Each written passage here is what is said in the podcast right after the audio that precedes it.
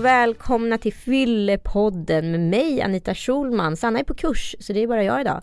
Eh, ni som har lyssnat genom programserien vet att det finns en massa eh, trevliga avsnitt där i bakkatalogen. Annars tycker jag att ni som är precis nya lyssnare ska gå in och lyssna på de avsnitten. Idag har vi en spännande gäst. Hon heter Anja Lundqvist. Hon är skådespelare. Ni har säkert sett henne i allt från Tusen bröder till Personkrets till Sunes mamma. Eh, om man är intresserad av IQ som vi jobbar med med den här podden då tycker jag att man ska gå in på iq.se eller alkoholprofilen och testa sina egna alkoholvanor. Det här är en intervjupodd där vi pratar om livet och allt däromkring men också alkohol.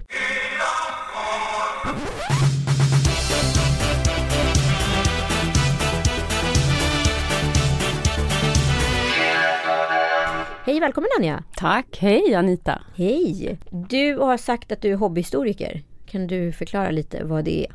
Hobbyhistoriker? jag och Julia Devenius som också är skådespelerska, vi har en podd som heter Anja och Julias podcast. Och de, alltså där vi pratar om allt möjligt. Och då märkte jag att jag hela tiden drog upp historiska ämnen. Och det var alltid också när jag var liten och ville bli skådis. Ja. Så var det alltid, jag satte upp stenålderspjäser, jag tvingade klasskompisar att ha så här kohudar med rep knutna runt midjan. Och liksom, jag har alltid gått igång på historia ja. jättemycket. Och um, jag tycker det är spännande. Så ja, det blir har du gjort några historiska roller? Ja, jag har gjort Shakespeare. Eh, och jag har gjort eh, Eh, jag gjorde för ett, mm, en av mina första jobb när jag var 17-18 och hade gått ut teaterlinjen i Uppsala. Då spelade jag Slottsspelen som var då spelade bland annat Gustav II Adolfs fru Maria Eleonora som gömde hans hjärta i en ask som hon alltid bar med sig och sådär. Vad är, vad, är, vad är, är det roligare på något sätt eller är det liksom? Det är mer barndoms... Eh, eh, och den här i början när jag blev skådespelare, när jag utbildade mig det här med kostymer och Alltså som att få, få vara i historieätarna fast någon annan hela tiden. Det är ju roligt liksom. Ja, absolut. Som att vara lajvare. Kan tänka mig att det är så att vara lajvare. Det är du har inte provat lite. på att åka till medeltidsveckan? Nej, det skulle jag inte göra. Nej, det är mer så 1800, 1700 och 1600-tal som jag tycker är spännande. Du är född i Uppsala mm. och när flyttade du till Stockholm? Eh, jag fyller 45 nu. Jag flyttade till Stockholm när jag fyllde 20. Jag hade precis fyllt 20. En kort sväng i Göteborg där jag kände mig ensam och misslyckad i tre månader. Var det Göteborg som fick dig att känna det eller var det något annat? Du är från Stockholm eller? sa de om man frågade om eld så fick man ingen eld. Så gick de. Det var hemskt. Nej, det var inte deras fel. Det var jag som hade alla mina kompisar flyttade hit efter att vi hade gått en skola som heter Skara skolscen. Ja. Så du började med teater redan i Uppsala? Ja, på gymnasiet. Ja. Mm. Jag gick ett år på ekonomisk och upptäckte att det var fruktansvärt. Så sökte jag teaterlinjen där, så gick jag där, sen gick jag Skara skolscen. Sen flyttade jag till Stockholm och hade diverse olika jobb. Stekte hamburgare, sålde glass, eh, sålde varmkorv, sålde egna smycken på Drottninggatan. Egna smycken? Ja, jag och min chilenska kille gjorde så här. Kommer du ihåg de här indianhalsbanden som var så populära som man knöt hårt runt halsen? Ja, de massa, sådana gjorde liksom, vi. Mm. Pärllager. Och sålde där. Och sen så, men sen kom jag till slut in på Stockholms scenskola då, efter flera försök. Kul!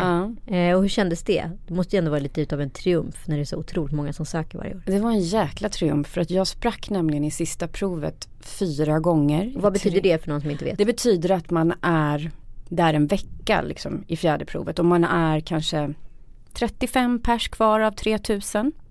Och jag var en av de där 35 fyra gånger liksom. Plus att jag var sprack i tredje prov. Jag fick söka tio gånger faktiskt. Så det är som en idolcasting deluxe? Ja, verkligen. Och, eh, men jag gav inte upp, verkligen för att jag faktiskt tyckte att det trillade in personer som jag tyckte var mycket sämre än mig. Det är den inställning man kanske måste ha. Jag hade faktiskt den. Jag tyckte att jag var jävligt bra. Jag visste att jag på den tiden var lite kaxig och hade en ganska tuff yta faktiskt. Beroende på att jag var nervös. Eh, men det yttrade sig så. Jag fick också höra att du har för mycket attityd och så vidare. Men eh, till slut kom jag faktiskt in en gång när jag var väldigt, väldigt sjuk och hade feber. Så jag var väl mjukare då antar jag. Men du om du hade fått göra det provet idag? Ja. Hade du gjort det lika bra? Kanske inte med samma glöd. Jag vet inte. Det var spännande. Ja. Du, hur har din eh, relation till alkohol sett ut genom tiden? Min relation till alkohol ser ut som så här att jag är nykter alkoholist sedan 16 år tillbaka. Jag har aldrig pratat om det i media, jag har bara sagt att um, jag har druckit min kvot i livet och sådär för jag har inte känt att det har känts rätt. Um, så det är lite nervöst och spännande att sitta här med dig idag faktiskt, Anita. Mm, Vi har ju precis lärt känna varandra också Exakt. och jobbar ihop. Så att uh, jag drack första gången när jag var för det första vill jag bara reda ut det där begreppet alkoholist. Det är ju väldigt eh, stigmatiserande. För mig blir det ju ofta att eh, man ser en gubbe med en röd näsa liksom. Som, och det blir liksom bild, sinnebilden av en alkoholist för oss alla. Men det är ju en demokratisk sjukdom som drabbar lågpresterande, högpresterande, rika, fattiga, oavsett kön, sexuell läggning, nationalitet, religion. religion. Ja, så det, det, finns ju överallt. Den är verkligen demokratisk och jag var en väldigt högpresterande tjej, elitgymnast, eh, femmor i nästan alla ämnen. Men när jag var 14 år så testade jag och min kompis Anna. Vi snodde lite sprit hemma hos hennes pappa. Som och, man inte är helt ovanligt att man gör. Som inte är ett dugg Nej. ovanligt, som inte alls är speciellt så här, åh gud. Utan 14 år kan tvärtom vara ganska sent och det här var ju på 80-talet. Så att, och eh, för mig var det förälskelse vid första klunken. Och det är ju gemensamt för många beroende. Jag skulle också vilja döpa om det då på grund av stigmatiseringen till beroendesjukdomen. Det är också med respekt för mina barn som snart är 9 och 13 att jag har en sjukdom, beroendesjukdomen som det faktiskt forskas kring också. Hjärnfonden till exempel har det som en av sina sjukdomar som de forskar kring. Samlar in pengar till forskning. Och, eh, men i alla fall, jag kommer ihåg vi gick in på ICA faktiskt för det var ganska tidigt, det skulle vara disco på fritidsgården i Uppsala. Och, eh, och jag tog de första klunkarna och den här värmen som spred sig i kroppen och det här begäret efter mer, det var en riktig förälskelse. Alltså jag bara kände så här, nästan som åtrå. Mm. Jag vill jämställa det med att jag träffade världens sexigaste kille mm. och det var alkoholen. Och det finns ingen kille sen som kunde få mig att känna så. Så det var som ett kärleksförhållande så, som startade då. Och som resulterade i att jag drack varje helg. Eh, och hade alla rätt på proven. Vilket gjorde att jag kunde inte ha några problem. Däremot hittade jag efterhand min, min dagbok där det står Snälla gode gud hjälp mig sluta supa. Är det jag, sant? Ja, ja, och jag blev helt chockad. Det var ju då när jag blev nykter när jag var 29 som jag hittade den dagboken. Och jag minns ju inte det här. Att jag hade känt redan då att det var problem. Och, och um, vilken ålder var den dagboken ifrån? Ja, 15-16. Och sen så uh, hittade jag teatern som faktiskt räddade mig mycket från, jag var ihop med en heroinist. Min mamma var förtvivlad. Jag har aldrig tänt på droger. Jag har provat rökheroin en gång och det var enda gången också. inte min grej. inte um, hash heller utan det var liksom alkoholen som jag ville åt, den effekten. Och sen så... Um, så vad hände då? Han uh, rökte på och du drack?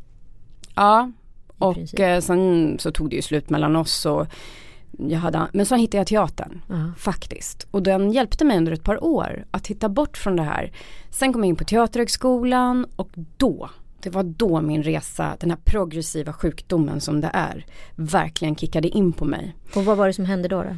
Jag hade en hjärnhinneinflammation faktiskt som gjorde mig väldigt svag. Jag var också väldigt ätstörd, hade svåra ätstörningar från och till. Eh, anorektisk och hetsåt om vartannat. Jag rökte upp till 40 cigg om dagen. Oj. Och när jag hade den här hjärninflammationen då slutade jag röka. Och mm. började dricka ännu mer. För jag hade ett stort eh, monster i mig som bara ville ha mer liksom.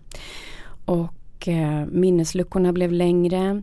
Jag, fick, jag, kan, jag kallar mig själv för våldsam alkoholist. Alltså för att jag blir jag trodde att jag var galen, att jag var schizofren. Jag förstod inte att det var alkoholen. Men jag gick hela tiden dit och gjorde samma misstag. Den här gången blir det inte så. Den här gången blir det bättre. du, du håller på att dosera dig själv och testade lite så här mycket klarar jag av. Om jag ja, bara håller det här och om jag bara liksom, jag kunde köpa till exempel en flaska hälsokostvin utan, utan några procent i. Det här ska jag dricka ikväll. Och så kommer jag ju inte på festen. Så går jag raka vägen till kylskåpet, ställer in den där, går fram till starkspritsbålen och börjar supa. Alltså utan en enda tanke, men du har ju lovat dig själv. Ja. Utan jag var som förprogrammerad på det här och jag klättrade mellan ehm, eh, balkonger på åttonde våningen. Jag slogs, jag kom till sminket när jag gjorde min praktik i Uppsala med blåtira. mindes inte vad som hade hänt. Jag, eh, och det finns många, många fler allvarligare konsekvenser som jag inte vill ta upp eh, med respekt för mina barn. Mm. För att de har ju aldrig träffat mig full Nej. eftersom jag slutade dricka innan jag fick dem. Exakt. Men, men jag hade inget, inget val. Sen. Nej men hur, mot, alltså, hur motiverar man sig själv att fortsätta dricka när man liksom är med om Alltså att du kommer till sminket med en blåtira och inte vet vad som har hänt. Var det så här du skrattade bort det eller hur funkar det då? Ja, man skrattar bort det och det är det som är, det är förnekelsens sjukdom. Och vad säger människor runt omkring då? För det är det man alltid jag, hade, jag omgav mig mycket med medberoende människor, jag-sägare. Framförallt några tjejkompisar som var så här, jag kunde komma gråtandes och säga, och det är inte deras fel att jag Nej. drack, det är bara mitt eget problem. Men däremot så omgav jag mig ju gärna med folk som till exempel en, en kompis som jag fortfarande älskar liksom, men hon är en väldigt medberoende person. Och hon sa då när jag kom och grät, men jag vet inte vad jag ska göra, fan det hände igen, jag kommer inte ihåg någonting och jag hoppade på den där killen och jag skrek och, och sen satt jag på en buss ut i Åkersberga, jag vet inte hur jag, alltså sådär. Mm. Ja men Anja jag vill vara som du. Du är så jävla cool, du är bara så jävla fri! Fatta om jag kunde vara som du, jag är så bunden.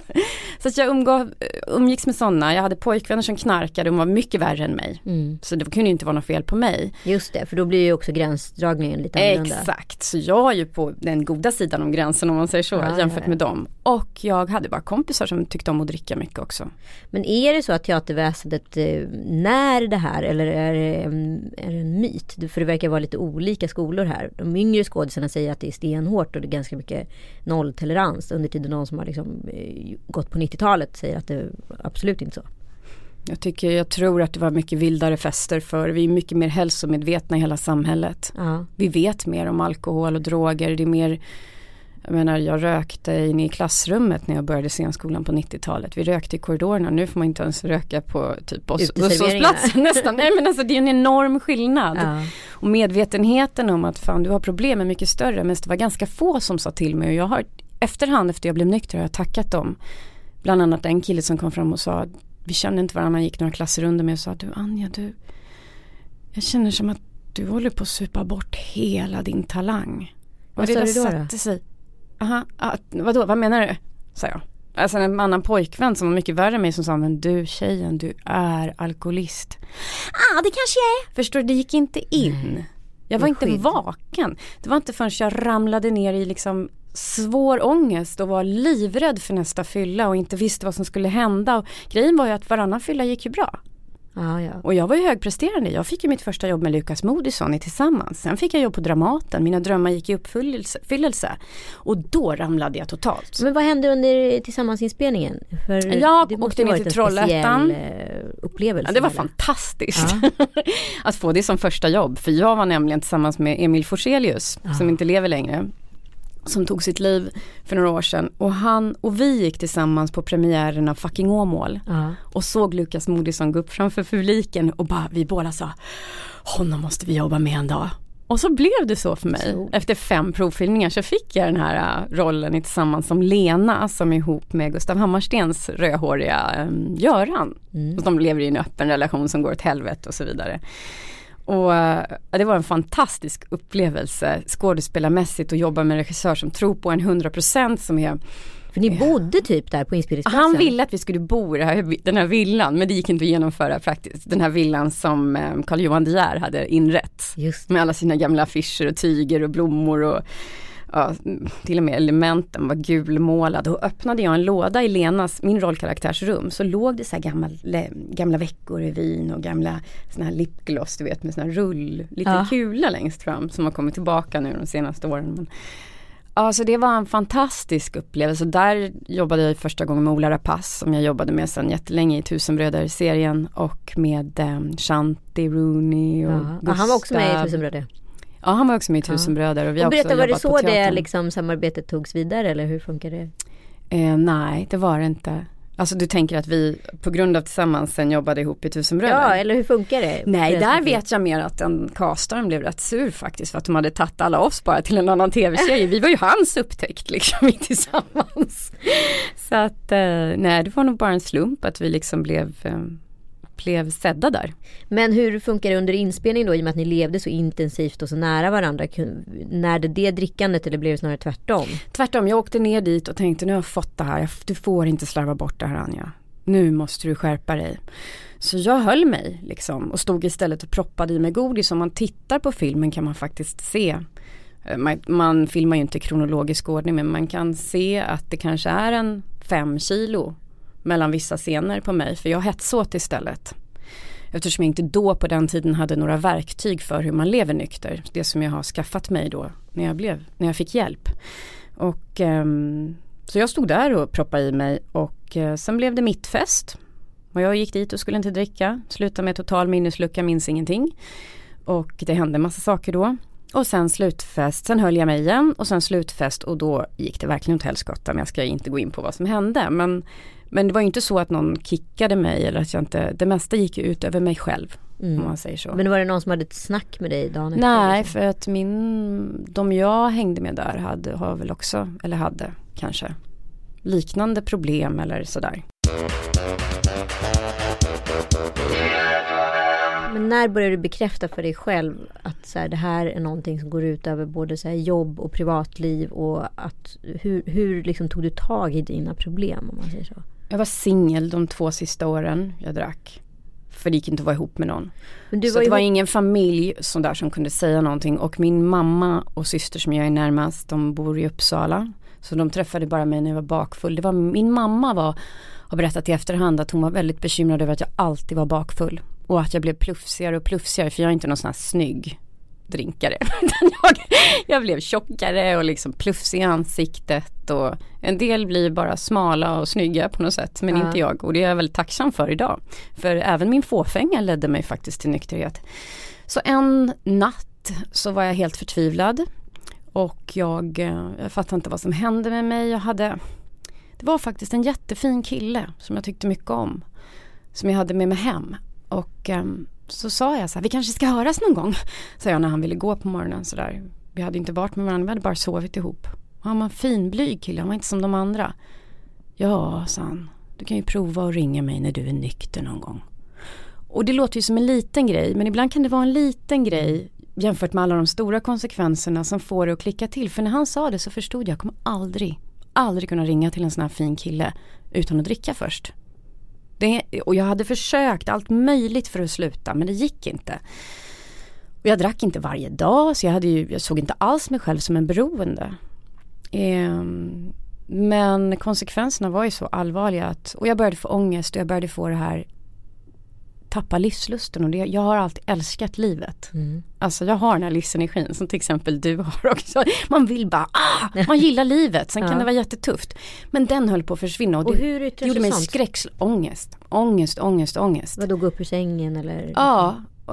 Rädsla, skräck, vem är jag? Framförallt, vem fan är jag? Jag är nog galen. Och det vet jag är gemensamt för många unga som har problem. Att man kan inte fatta att man har alkoholproblem eller drogproblem. Utan man tror att man håller på att bli tokig, mm. sinnessjuk. Så då så ringde jag psykakuten för jag visste inte vart jag skulle gå. Och det slutade med att de sa du får tre samtal här. Och eh, första samtalet kom jag dit och luktade väl lite alkohol. För jag var, eh, hade varit på fest kvällen innan Ja, andra gången var spiknykter för nu skulle han minsann inte kunna säga någonting. Under hela den här tiden så jobbade jag på Dramaten och det gick jättebra för mig yrkesmässigt. Och sen så tredje gången så var jag faktiskt lite på lyran fortfarande för jag hade varit på fest kvällen innan och då sa han till mig den här jättefina terapeuten, jag vill tillägga att jag var livrädd för att be om hjälp. Uh. Ensam är stark. Uh. Det var mitt motto liksom. Och det tror jag är den stora barriären för många människor vilka problem vi än har att ställa oss upp och säga hjälp mig. Mm. Men jag tittar i dagböcker efter så jag har skrivit, jag har skrivit hjälp mig, hjälp mig, hjälp mig. Mm. På flera sidor har jag skrivit det. Men jag har inte vågat prata med dem till en enda människa för jag var en cool tjej. Ja, jag var ju duktig liksom, ja. högpresterande. Så jag kunde inte identifiera mig med svaga människor. Och med min egen svaghet. Men eh, i varje fall så, eh, då säger han till mig så här. Och det glömmer jag aldrig för det var ett genombrott. Då säger han så här, jo men det är tredje gången du är här Anja och det är andra gången du luktar alkohol, du tror inte att du har något problem med alkohol, då reser jag mig upp. Jag som var väldigt noga med att de som jag tyckte var auktoriteter, till exempel en terapeut skulle tycka om mig, ja. reser mig upp, skriker åt honom, jag är ingen jävla alkoholist! Och så sätter jag mig ner och bara skakar och han börjar nästan skratta och säger, nej det har han inte sagt heller. Nej, nej, bra, bra. Men, men om du var det då, vad är det som skulle vara så farligt med det? Det är det värsta, äckligaste, jävla snuskigaste man kan vara. Bara skriker jag. Det bara kommer från ingen vart. Ingen, eller liksom från, jag har ingen ah. aning om var det kommer ifrån. Och sen säger han så här, men vad, vad vill du med ditt liv då Anja? Vad längtar du efter? Vad har du för planer? Jag räddar upp massa grejer. Och då säger han, Anja det som slår mig det är att du inte nämner kärlek. Och än en gång så nästan far jag upp i den här stolen, eller det är i alla fall min bild av det, min känsla av det, jag kanske inte gjorde det. Men jag ryter åt honom att jag vill inte ha någon jävla kärlek i mitt liv.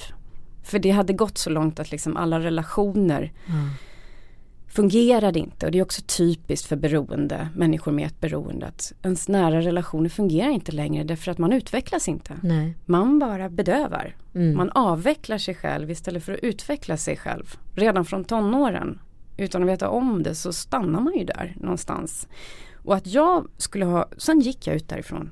Och just då på Hornsgatan den här soliga dagen och jag var svettig, luktade illa och bakis och han har sagt de här hemska grejerna till mig. Jag är rädd, jag är framförallt jätte, jätterädd för jag såg ju mig själv som en vinnare. Mm. Och det kändes som att jag höll på att förlora. Så jag var verkligen skräckslagen faktiskt. Jag hade väldigt hög eh, prestige och så vidare. Och um, då kommer en tjej emot mig som jag inte sett på två år som jag var ute ganska mycket med på krogen på Söder på 90-talet. Och hon säger till mig, det här är år 2000 alltså.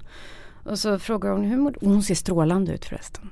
Hon har ett eget tv-program och jag ska inte säga vem det är. men, men hon strålade. Hon, var, hon hade alltid sett lite så här ofräsch ut och vi drack mycket ihop så här, festade alltså. Mm. Inget så att vi satt hemma eller satt på parkbänken återigen vill jag faktiskt betona. Men då så säger hon så här, ja ni har jättebra bla bla, hur mår du? Och då bara väller ut ur mig. Jag vet inte vad det är, alltså jag har inga problem va. Men jag, jag liksom, jag minns det så väl att jag blev så rädd men att jag ändå ville berätta. Och jag, jag liksom, men jag blir galen när jag dricker. Vad ska jag göra? Jag dricker inte varje dag. Jag gör... Då bara lägger hon handen på min axel och så säger hon, men Anja, du kanske har samma sjukdom som jag. Du kanske är alkoholist. Och det är så bara, boom! Rakt in i hjärtat när hon sa det. För jag kunde identifiera mig med henne. Uh -huh.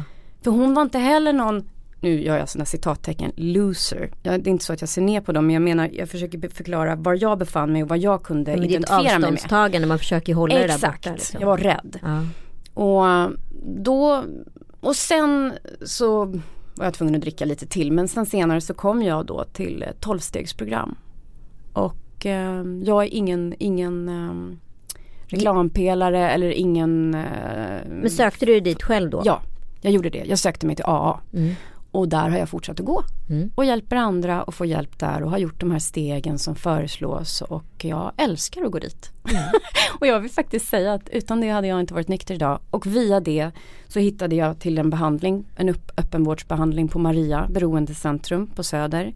Och sen gick jag två år i eftervård där på samtal med en fantastisk terapeut. Ingmarie, som ja. jag är för evigt i takt. Du går inte på glas längre Anja, du går på betong. Vad betyder det? Ja, det betyder att mitt tillfrisknande skulle hålla och jag tänkte bara jag är den enda som kommer göra dig besviken Ingmarie. Jag går inte på betong, jag går på glasskärvor. Nej men alltså jag, jag, kunde, jag hade ingen tillit Anita. Nej. Brist på tillit liksom. Det var coren i min sjukdom ingen tillit till någon annan människa, till någon eh, slags andlighet. Det var bara losers som hade en tro eller liksom, jag är absolut inte kristen eller muslim eller alltså jag tillhör ingen religion. Men idag så tror jag inte att jag är Gud, utan jag tror att det finns någonting större som åtminstone lyssnar när jag snackar. Ja. Det är den förhoppningen jag har och så länge det funkar så mår jag hellre bra än ha rätt. Ja. Så att eh, Ja, jag vill verkligen säga till dem, om någon lyssnar och har problem så finns det hjälp men att alkoholism och beroendet är ingenting som nästan någon klarar själv. Nej. En del gör det. Men jag, de flesta jag känner, vi behöver varandra. Tror du alltid att du kommer vara alkoholist eller kommer det liksom gå i kroppen? Jag tror inte det kommer gå i kroppen och skulle det vara så så vill jag inte chansa. Nej. jag har gjort ett jävla jobb med mig själv. Det var fruktansvärt de första åren jag var besegrad av alkoholen och jag gav upp den ganska fort. Jag hade inget sug efter den. Jag förstod ganska fort vad mitt sug var. Mitt sug var känslor som jag ville bedöva. Ja. Så jag valde att jobba med de här känslorna med terapeuter i det här tolvstegsprogrammet med mina vänner. Jag träffade min man då, vi ska gifta oss snart. Vi har varit ihop 15 år. Ja. Jag hade ett års nykterhet. Träffades ni på A? Nej, Nej, han har ingen bro. Han är en normal människa. Ja. han är en sån här konstig människa som köper liksom en öl ibland på sommaren och ska dricka i värmen. För att, jag menar, och så tar han två klunkar. Och så hittar jag den där ölen sen. Men, Hallå Theo, din öl? Ah, nej, jag är inte sugen mer. Men för mig är det ju då om jag dricker en klunk så vill jag ha tusen till. Ja. Det är det som är skillnaden. Exakt. Men det har aldrig blivit liksom, är det jobbigt för dig i så sociala sammanhang där, där folk dricker vin eller öl? Nej. Känner du något sug eller liksom någon, att du blir lite rädd? Jag har haft ett starkt mål Anita, att ja. jag ska kunna stå där i alla sammanhang nykter. Det har varit mitt mål. Kanske efter det första året när den värsta smärtan liksom var över. Men, men i början så var det ju fruktansvärt att gå ut. Ja, För jag försökte bara vara samma person som förut. Det mm. gick ju inte att tänka på samma sätt som förr, vara på samma sätt som förr och inte dricka. För det var ju mitt beteende och mitt inre hade ju hela tiden lett mig till någon form av bedövning. Mm. Sig, mat, eh, kärlek eller eh, alkohol. Men var det liksom tufft att vara nykter i den här skådisvärlden? Ja, det var det tycker jag. Men jag antar att då jag hör så mycket historia eftersom jag har många vänner som också är i samma situation som jag. Som har helt andra yrken. Hög som låg liksom. Mm. Som, det är samma sak på alla arbetsplatser. Det finns en alkoholkultur och after work och sådär på alla ställen. Eftersom mitt mål var att klara det så efter något år när det inte var, gjorde så ont längre så började jag gå ut och liksom märker att folk, när folk blir lite fulla då blir jag nästan också som full. Mm. För att eh, folk släpper på sina hämningar och jag är en rätt framåt person. Jag älskar människor. Det roligaste jag vet är samtal liksom. Så det är ju kul att gå ut. Den enda skillnaden är att när jag är trött då går jag hem. Mm. Förut var jag alltid sist, nu är jag nästan alltid först för att när folk samtalar efter ett tag när folk är lite på lyran börjar gå runt, runt. Men däremot tycker jag det är ljuvligt att det finns människor som inte är beroende. Jag har ingen sån här eh, eh, nykterist Nej. Nej. För det finns Nej. ju den aspekten också som ja. hela tiden kollar ja. efter potentiella ja. beroenden ja, Jag har inga åsikter i alkoholpolitik, drogpolitik.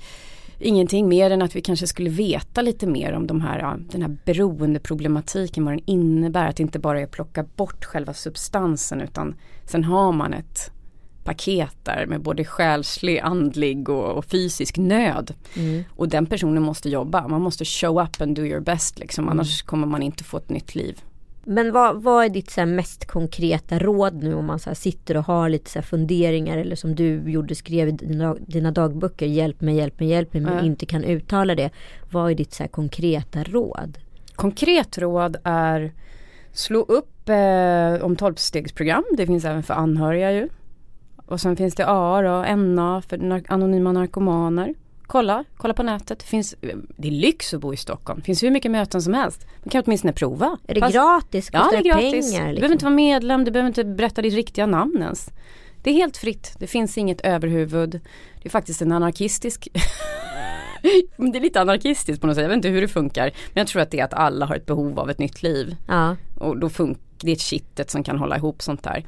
Sen får man inte göra reklam för det så jag är lite så rädd för vad jag säger nu och så. Ja. Utan det ska bygga på attraktion och inte marknadsföring. Och jag är inget ansikte utåt för det. Jag har ingen, står inte i någon relation så till någon slags organisation. Nej. Men att man ska söka hjälp. Mm. Berätta för din mamma eller för din bästa kompis eller för någon annan som du vet är nykter. Men om alla är medberoende runt omkring dig? Ja då måste du uh, ringa Maria. Ring Maria Beroendecentrum, mm. be om ett samtal.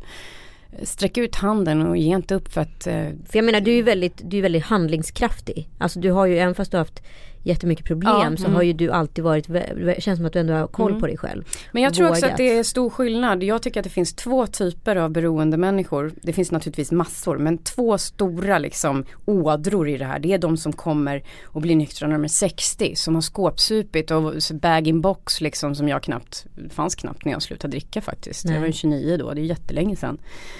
Och um, och de som kan sitta och, inte bli konstiga liksom utan de bara kan marinera sig själv och stoppa upp sig själv nästan i den här äh, alkoholen. Mens, äh, och sen den här våldsamma typen då, det får ju ofta sådana konsekvenser att man är tvungen. Eller så ramlar man ner från ett hustak till slut. Ja. På något sätt. Så det, det, finns inget att vänta på. Ja, det enda man riskerar det är att få ett bättre liv. Men inte till att börja med. Det gör skitont och jag önskar inte min värsta fiende det jävla helvetet. Kan du berätta åren. lite om första året? Orkar du? Ja, för det handlade om att jag, hela min självbild rasade. Jag jobbade till exempel som skådis bara för att bli bäst. när jag gick min behandling då grät faktiskt hon eh, behandlingsassistenten, en av dem, när jag gjorde min live story. Inte för att jag hade druckit mest, absolut inte av de som var där. Jag var väl någonstans i mitten. Det var någon flygvärdinna som bara hade smuttat lite men hon, hon det var det enda hon levde för ändå. Ja. Sen var det väl någon som liksom var amfetaminist, det var ju så enormt spann där. Men hon grät och så tittade hon på mig så här Anja. Finns det inte en chans att du kan tänka dig att bli tvåa någon gång? Och jag vet att jag tittade på henne och jag förstod inte frågan. Jag tittade på henne och tänkte, vad fan snackar hon om? Vadå tvåa? Man kan väl för fan inte ha som livsstrategi att komma tvåa? Man måste bli bäst, man måste vinna. Och sen var det någon någon gång som sa, han var läkare på den där och han var beroende också då, och var på den här behandlingen. Så grät han och så sa han, jag är sjukskriven. Och jag tittade på honom och så tänkte jag, det är en jävla loser. Så du förstår ja. liksom vilka, vad mycket jag hade att jobba mot. Att jag liksom, så såg ju jag på mig själv ja. också. Men det, ett halvår senare var jag sjukskriven och hade gått in i väggen och måste, så det som hände var, det som var jobbigt det var att jag måste förändra hela mitt sätt att tänka. Hela mitt sätt att tänka. Och vad var det då? Reach out till andra. Ensam är inte stark. Um, göra slut med alla kompisar jag hade. Oj. Få ett helt nytt umgänge. Um, och var man tvungen att typ gå upp och säga det då eller var nej, det, nej, det du bara ingen, smet? Det, det, jo jag gjorde det och jag gjorde det jättedåligt. Jag gjorde så jävla mycket misstag i början. Jag bara ringde upp någon när de satt i en bil och körde fort på en väg och jag bara Du jag vill göra slut med dig som kompis. Alltså, efter flera års vänskap. För jag var ju en förljugen människa. Ja. Jag höll mycket för mig själv. Jag kunde tycka att en vän var jättedum. Men jag tog aldrig upp det. Nej. Mitt sätt var lämna. Man går. Man gör slut med en kille Säg ingenting, avveckla honom inom dig själv och så gå när det inte finns några känslor kvar. Så att jag hela tiden chockade andra människor till exempel. Nu att börja ta ansvar, prata med människor och prata med mig själv.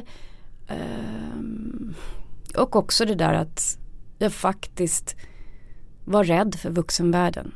Jag var mm. jätterädd för att vara vuxen. Jag kunde betala räkningar och jag kunde fixa ett jobb. Alltså som skådis, det gick ju jättebra för mig. Men jag kunde inte leva vuxet. Alltså jag hade inga vuxna mål. Mitt mål hade varit att gå på krogen efter en föreställning. Mm. Ja. Jag var ihop med en jättekänd skådespelare, kommer jag ihåg, han sa till mig Vi är rövare du och jag. Och jag bara ja, och idag så hör jag ju töntigt det låter. Vi är rövare. Men då var det så här, ah, ingen fattar, vi är sjörövare. Vad betyder det då? Alltså det i eran värld? Man, att man har, i vår värld och i många missbrukares värld tror jag det här att man ser ner på alla som har ett ordnat liv. För man är så rädd för det. Vad händer i lugnet? Vad händer i tryggheten? Man är uppvuxen med ett, en otrygghet i sig själv. Ja. Och det är tryggt. Jämfört ni, med det andra. Ni, det var lite romance, att vara lite ja, crazy. True romance. true romance. You and me down the yellow big road liksom. Ja. Och jag trodde också när jag kom um, till hjälpen. Då trodde jag att man pratade om kärlek och så du måste älska dig själv och att kärleken är så. Jag bara, för mig var ju kärlek passionerad kärlek till en man som mm. också är missbrukare. Det var vad jag tyckte att kärlek var. Och hur var det att konstatera det då? Det tog ett tag när jag fattade det. Alla pratade om kärlek. Jag bara, ah, ja men jag har väl älskat mina killar. Jag var liksom hjärndö på vissa områden. Ja. Och jag är ingen dum tjej liksom. Men på vissa, eh, när det gällde mig själv så var jag väldigt som en sovande människa upplever jag det i efterhand som att jag gradvis har vaknat mm. till verkligheten. Och det här är så intressant. Jag pratade med Lars Lerin om det här eh, ja. eh, tidigare. För att han kommer ju också från så här otroligt bra hemförhållanden, mm. så här kärnfamilj och, ja, och inget jag har också liksom fått otroligt missbruk. mycket kärlek och inget missbrukande Nej. föräldrar har jag heller. Ja, det finns en skilsmässa som var ganska smärtsam men jag har jättebra relation med båda mina föräldrar idag. Och ing, alltså det, min syster tycker att alkohol luktar bensin och smakar bensin. Hon kan inte ens dricka en klunk. Alltså så det är jag som har den här um, ja. Så man äh, behöver inte alltid liksom ha det i generna mm, eller att det behöver finnas i släkten utan det kan verkligen drabba vem som helst. Mm. Eh, du kan du berätta lite mer om vad du jobbar med just nu? Jag har hört att du eh, gör liksom gåsmamman. Ja, Eh, Gåsmamman med Alexandra Rappaport i huvudrollen som är en jättegod gammal vän. En av dem som inte var medberoende och inte har något beroende kan jag säga. Alex och jag vi lärde känna varandra när vi var typ 20. Och, äh, så att vi jobbar med Gåsmamman 2 nu på femman. Mm. Kriminal, dra, inte kriminal men drama, thriller kan man väl säga. Om droger. Ja. Hur känns det då? Alltså så här, fortfarande, för det kan ju hända så att du behöver spela full ibland på film ja. och så. Och hur känns det? Jag spelade en med Samuel Fröler, det var Björn Runge som regisserade nu på mm, Stadsteatern och Kajsa Ernst och några till. En fyra timmar lång Norénpjäs som heter Nattvarden. Ja. Och då spelade jag, av de fyra timmarna så spelade jag full i två timmar. Oj, hur var det då? Och Inga problem. Nej. Alltså jag har sån distans till det och jag vet vad det innebär. Jag vet hur man är, hur jag var i alla fall. Jag har ja. mycket att hämta ur. Men det sätter inte igång någonting i mig eller jag tycker att jag har en enormt stabil nykterhet och att jag har kommit jättelångt. Mm. Pratar du med dina barn om det här? Ja, jag har berättat för dem att det är en fysisk allergi. Och att eh, jag använder inte ordet alkoholist för det tycker jag är jag är ledsen att det är det ordet för det är så gammeldags. Mm. att jag har beroendesjukdomen, att jag har ett beroende. Och att jag reagerar på ett allergiskt sätt och att jag blir enormt ledsen av det. Mm. Att jag mår dåligt, jag gör dumma saker. Och, um, men då sa min dotter faktiskt någon dag så sa hon Mamma du är ju inte nykterist. Du är väl nykter alkoholist. Alltså, så de förstår ju ja. utifrån den åldern, hon börjar ju bli tonåring. Ja just det. Så hon förstår ju utifrån sin ålder men de har ju aldrig träffat mig. Nej. Så. Men vi har ju alkohol hemma om det kommer folk och ja, ja. det enda jag inte gör det är att lukta på det. För luktsinnet är väldigt starkt ja. kopplat till lustcentra till exempel. Det kanske när ibland att någon råkar ställa ett glas vin under mig, då skjuter jag alltid bort det. För jag vill inte ta några risker. Nej. Jag äter, dricker aldrig alkoholfritt vin eller alkoholfri öl. Varför skulle jag göra det? Ja, det triggar ju bara igång. Ja, det triggar ju bara igång och jag vill ju bara egentligen åt någonting annat. Så ja, det finns precis. ingen anledning tycker jag. Nu kommer jag till två avslutande liksom, obligatoriska frågor. Mm. Eh, när var du full senast? Um, det var då den 22 juni år 2000.